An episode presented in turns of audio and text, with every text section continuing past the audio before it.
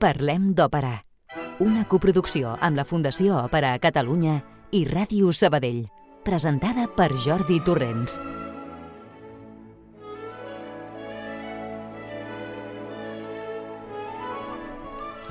Bona tarda. Moltes ganes anem transitant el camí cap a Nadal i al final d'aquest any 2023. Un altre any dur on s'han vist nombroses coses negatives i poques de positives. Bé, alguna que altra sí. En el món de l'òpera hem tingut algunes alegries i algunes decepcions, també. Sempre n'hi ha però ens agrada i encoratja anar veient aquí i allà, o si no hi podem anar, almenys en podem parlar i sentir bona música en aquest uh, programa, que és el que intentem sempre. I com que no vol la cosa, ja hem arribat a mig desembre, i després d'aquest només ens quedaran dos programes més i ens ficarem de cap en el 2024, que ja ens està esperant i fent senyals. Espero que no de fum, eh? programa número 545, 14 de desembre, dia de Sant Joan de la Creu, famós poeta místic castellà i doctor de l'Església. Rocío García, el control de so, i qui us parla Jordi Torrents, us donem una cordial benvinguda.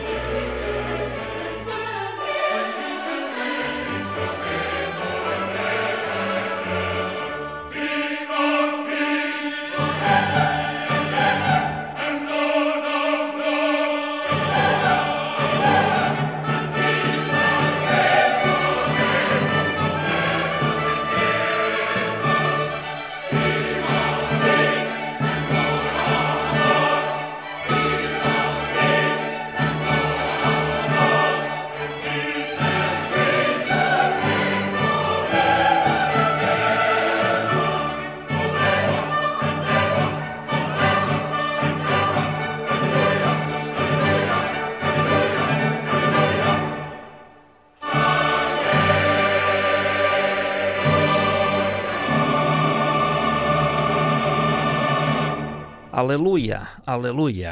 Això cridem amb joia. I per què? Doncs perquè anem eh, endavant amb pas ferm cap al canvi d'any. Ja en tenim ganes, oi? Eh, de que arribi el 2024, a veure què ens depara. Si us haig de ser sincer, no crec que sigui gaire diferent del 23. Seguiran les guerres, la inflació alta, la sequera. Tot molt trist. Esperem, però, que l'òpera ens pugui donar algunes alegries, no?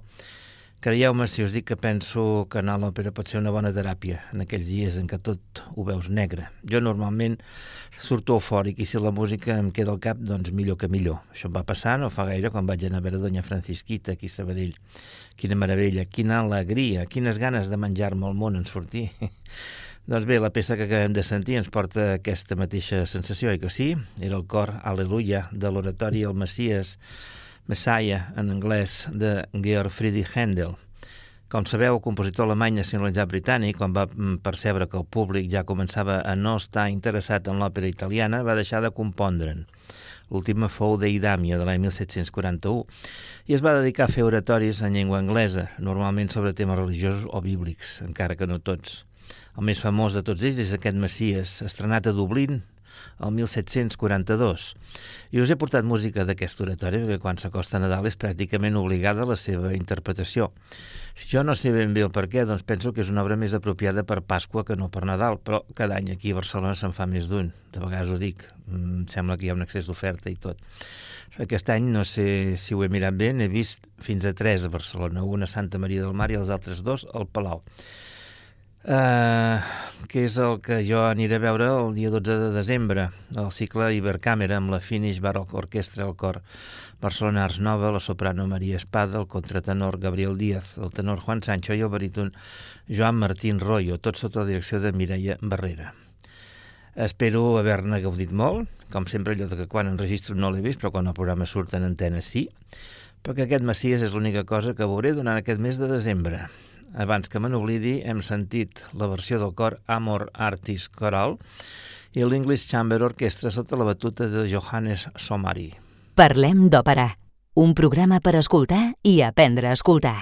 I això que aquest mes està eh, ple de coses tan interessants per a Europa que hauria donat el que fos per haver-hi anat, però l'any s'acaba i ja estic molt escurat, de manera que em conformaré amb aquest Messies al Palau. Avui, precisament, us vull parlar d'alguna d'aquestes coses tan interessants que en diré perles de desembre, lluny d'aquí, perquè el Liceu fa Turandot i el Real Rigoletto, així que imagineu-vos el plan. Escolteu això. Música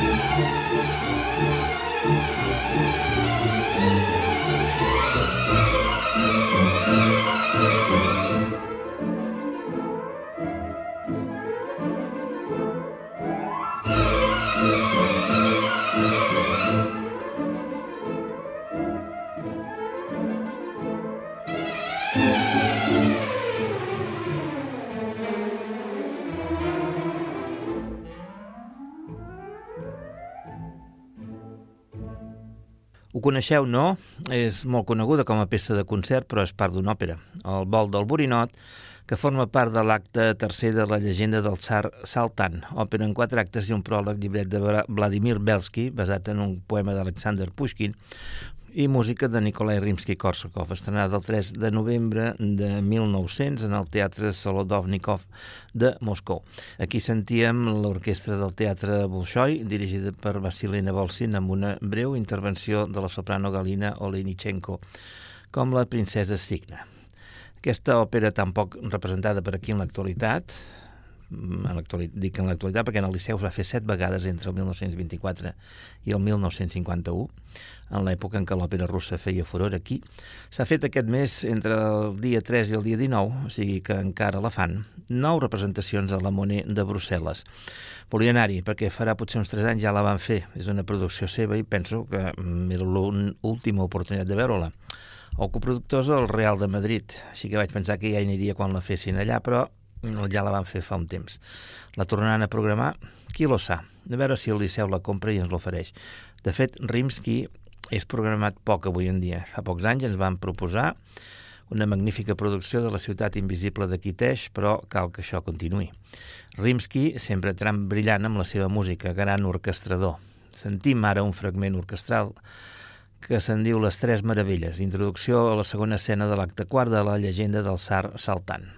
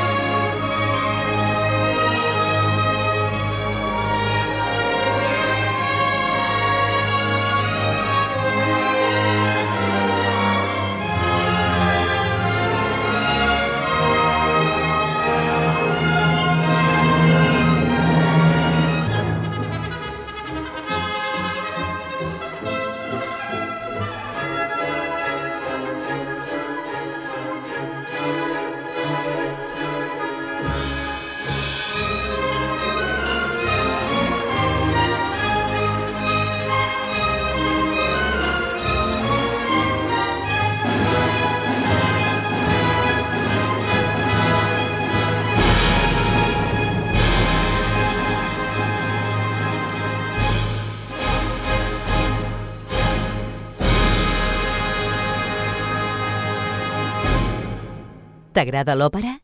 En parlem a Ràdio Sabadell. Si sou seguidors del programa ja sabeu que a mi m'agrada molt anar a Frankfurt, on fan òperes originals molt ben produïdes i a preus assequibles i que de tant en tant us explico les expedicions que hi faig. Ara al desembre hi ha un parell de coses que m'interessaven també molt. Tant que fa temps que vaig fins i tot reservar hotel. Però no sé què passa, que els preus dels vols a Frankfurt, que només hi vola Lufthansa des de Barcelona, s'han com a mínim duplicat i toca molt la butxaca. Així que vaig renunciar també. Avui ho acabaré plorant, ja ho dic. I què feien a Frankfurt? Doncs un altre Rimsky, casualment, una òpera que aquesta sí no s'ha fet mai al Liceu, i és La nit de Nadal, una òpera que us vaig presentar en la sèrie Anem a descobrir, programa número 449 del 7 d'octubre de 2021. És una òpera en quatre actes amb llibret i música de Nikolai Rimsky-Korsakov, basada en aquesta ocasió no en Pushkin, sinó en un relat de Nikolai Gogol. Es va estrenar el 10 de desembre de 1895 en el Teatre Marinsky de Sant Petersburg. A Frankfurt la presenten aquest desembre, molt d'acord amb l'època, sis representacions entre el 15 i el 31. Sentim-ne un fragment que és la polonesa amb cor de l'acte tercer, amb el cor acadèmic Yurlov i l'orquestra del Teatre Fòrum de Moscou dirigits per Mikhail Jurovsky. Música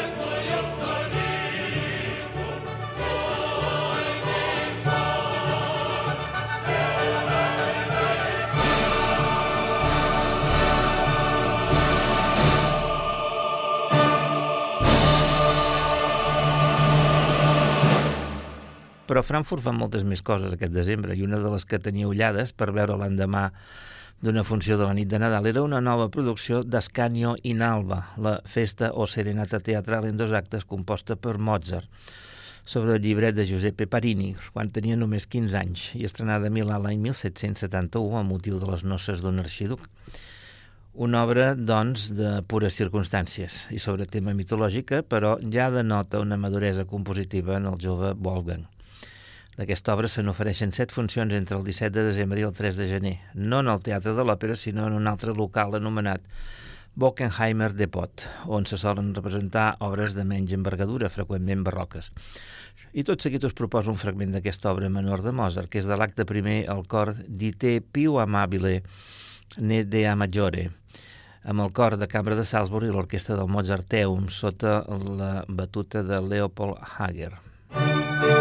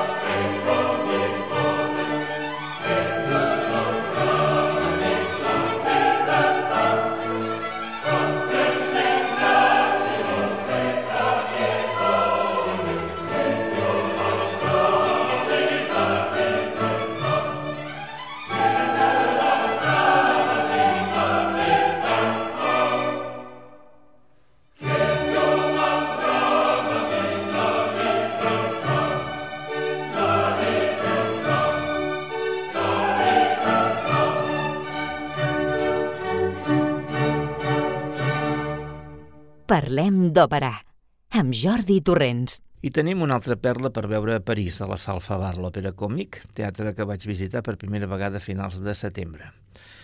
Doncs no hi paren de fer coses interessants que m'encantaria poder veure. En aquest cas parlo de sis funcions entre els dies 13 i 23 de desembre de l'Òpera Còmica en tres actes i quatre escenes Fantasio, amb llibret de Paul de Musset, basat en l'obra teatral de mateix nom del seu germà Alfred, i música de Jacques Offenbach, Fantasio es va estrenar en aquest mateix teatre el 18 de gener de 1872.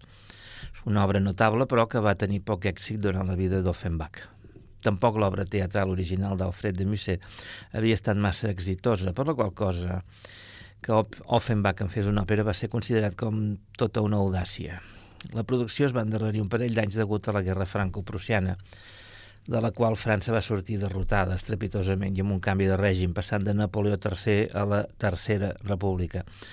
Offenbach va ser objecte d'atacs furibuns a causa de Fantasio, molt probablement perquè ell era d'origen alemany i els francesos havien estat derrotats sense pal·liatius per aquests. Sembla que amb l'entrada del segle XXI aquesta notable peça ha començat a recuperar popularitat, sobretot a França, evidentment però també d'altres països. Aquesta producció de l'òpera còmic no és nova, ja que data del 2017. Com sol ser habitual en aquest teatre, el repartiment està compost per notables cantants francesos, encapçalant el cartell la mezzo Gaël Arquès, com a Fantasio, la soprano Jodie DeVos com la princesa Elsbeth i el baríton Jean-Sébastien Bou com el príncep de Màntua. Sentim a continuació el duo de l'acte segon Je n'ai rien de plus, amb Sarah Connolly, Fantasio, i Brenda Rae, la princesa Elsbeth, i l'Orquestra of the Age of Enlightenment, tots dirigits per Sir Mark Elder.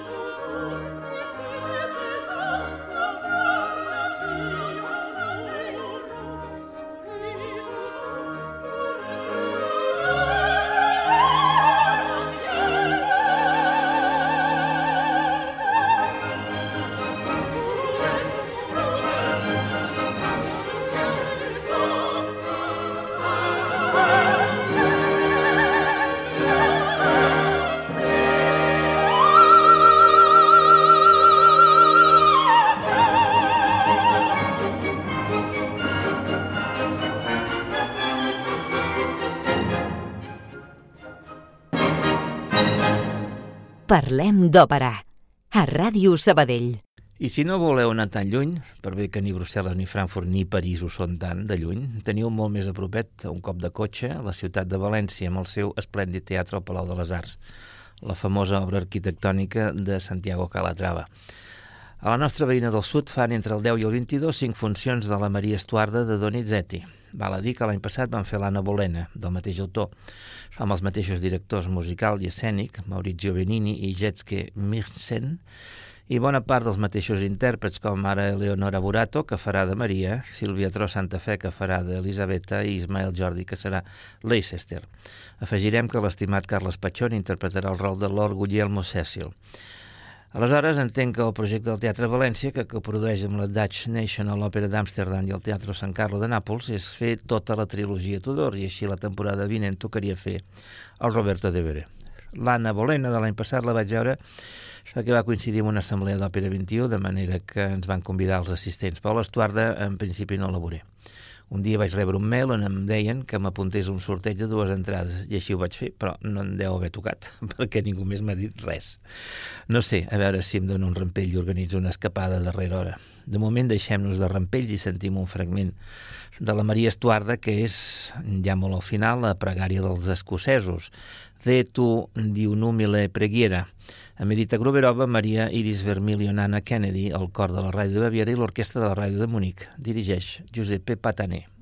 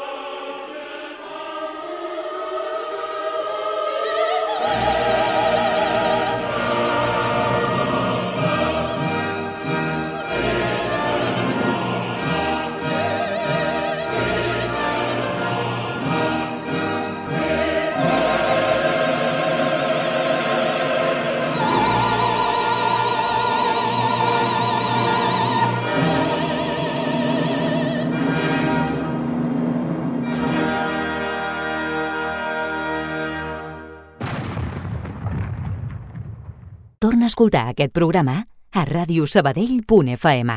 I ara us parlaré d'una altra joia que podrem veure a Alemanya, en un dels teatres més bonics del món, la Semperoper de Dresden, la seu de la Sächsische Staatsoper, l'òpera estatal de Saxònia, l'any del qual Dresden és la capital.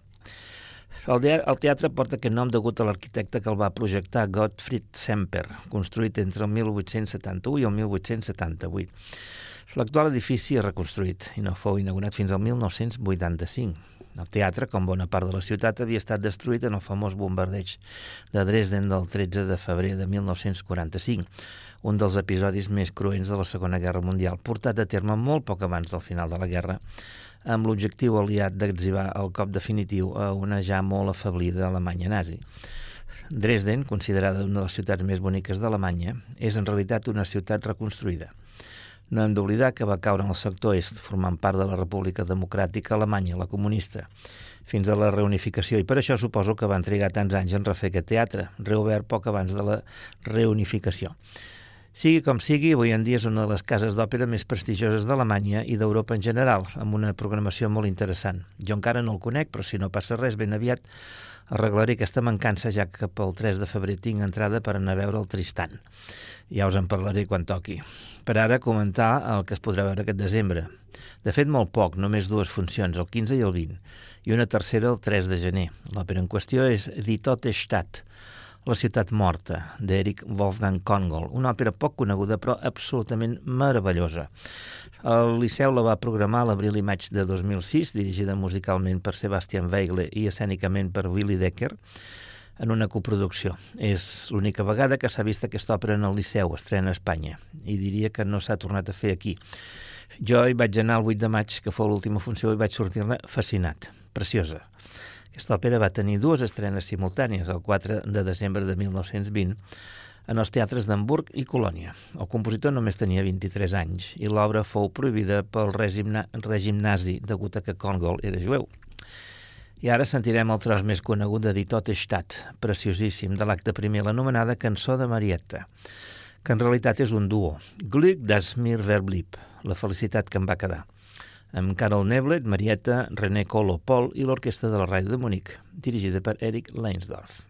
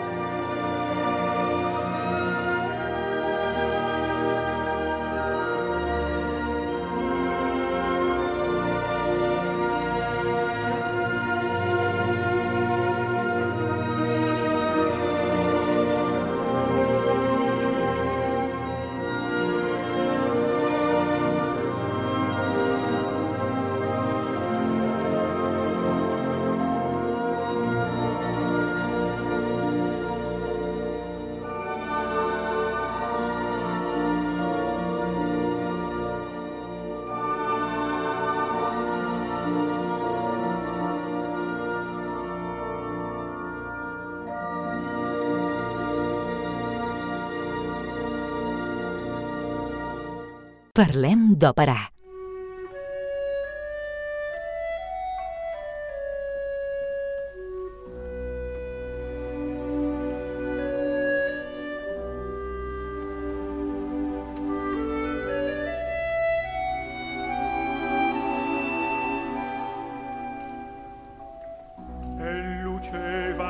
I avui aprofitarem per presentar-vos els personatges d'aquest mes de desembre, una soprano i un baríton. Començarem per ella, la soprano Dusolina Giannini, de família italiana però nascuda als Estats Units, a Filadèlfia el 19 de desembre de 1902. Filla d'un tenor i una violinista. Va estudiar amb el seu pare i després en Marcella Sembridge, a Nova York. Va debutar a Hamburg a Maí del 1925, passant després per Berlín, Viena i Londres. Va debutar el 1934 en el Festival de Salzburg, on va cantar Donna Anna del Don Giovanni i Alice del Falstaff sota la batuta de Toscanini. També com a Donna Anna va debutar a l'Òpera de París el 1936. El 1938 va protagonitzar a Hamburg l'estrena mundial de The Scarlet Letter del seu germà Vittorio Giannini.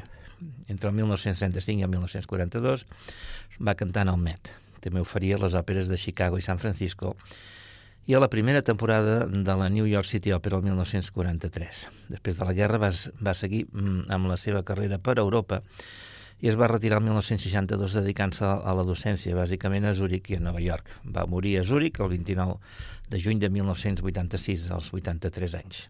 Ara la sentirem a la Forza del Destino, Madre, Madre Pietosa Vergine, amb l'Orquestra de l'Òpera de San Francisco, dirigida per Gaetano Merola.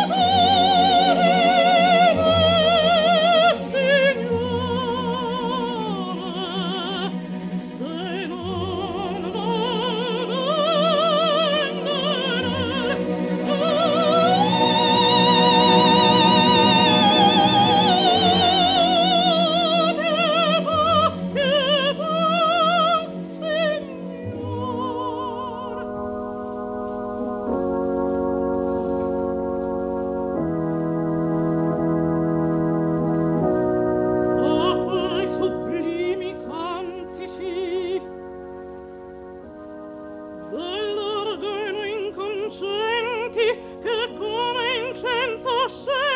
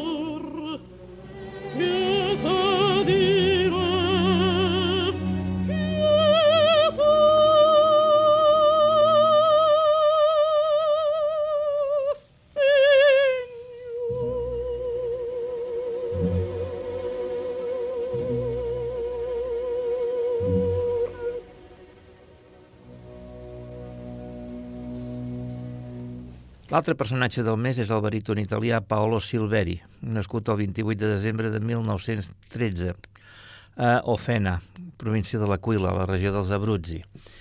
Va estudiar a Roma, primer privadament i després en el Conservatori de Santa Cecilia amb el famós baríton Riccardo Stracciari, debutant el 1939 a l'Òpera de Roma com a baix, eh, com a Hans Schwarz, als mestres cantaires de Wagner. Després d'una interrupció a causa de la guerra i un posterior període d'estudi, el 1944 torna a l'Òpera de Roma, aquest cop ja com a baríton, amb el personatge de Germont a la Traviata. A partir d'aleshores van prendre una ràpida carrera en els teatres italians, sobretot en el San Carlo de Nàpols, fins que el 1949 debuta a l'escala amb Il Trovatore. Aquest teatre hi tornarà regularment fins al 1955.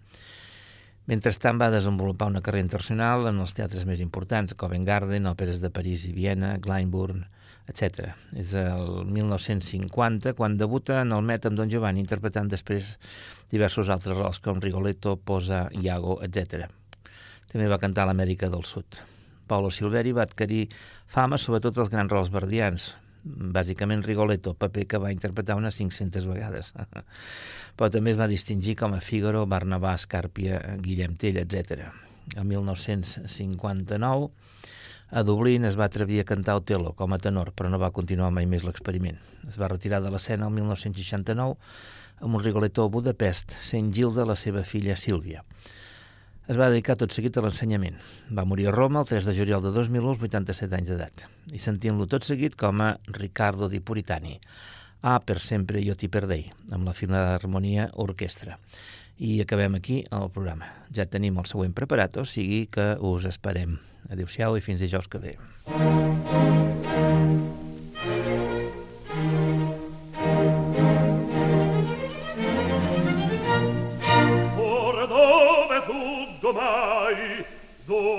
il cielo gli orrendi a miei.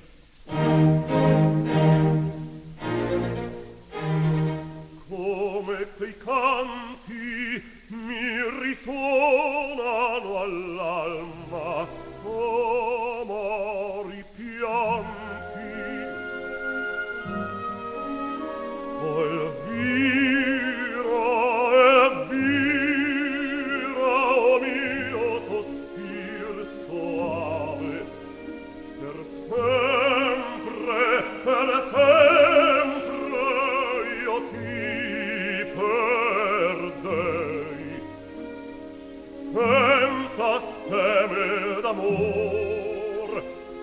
senza speme d'amor in questa vita porca rimane